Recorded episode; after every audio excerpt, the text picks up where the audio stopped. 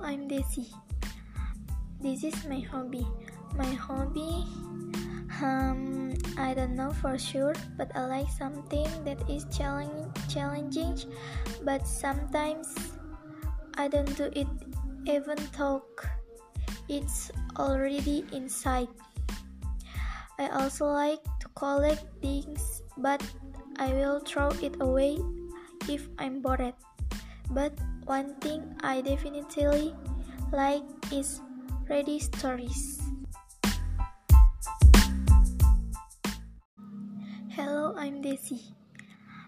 This is my hobby. My hobby, um, I don't know for sure, but I like something that is challenging, but sometimes I don't do it even though it's already inside. I also like to collect things, but I will throw it away if I'm bored. But one thing I definitely like is reading stories.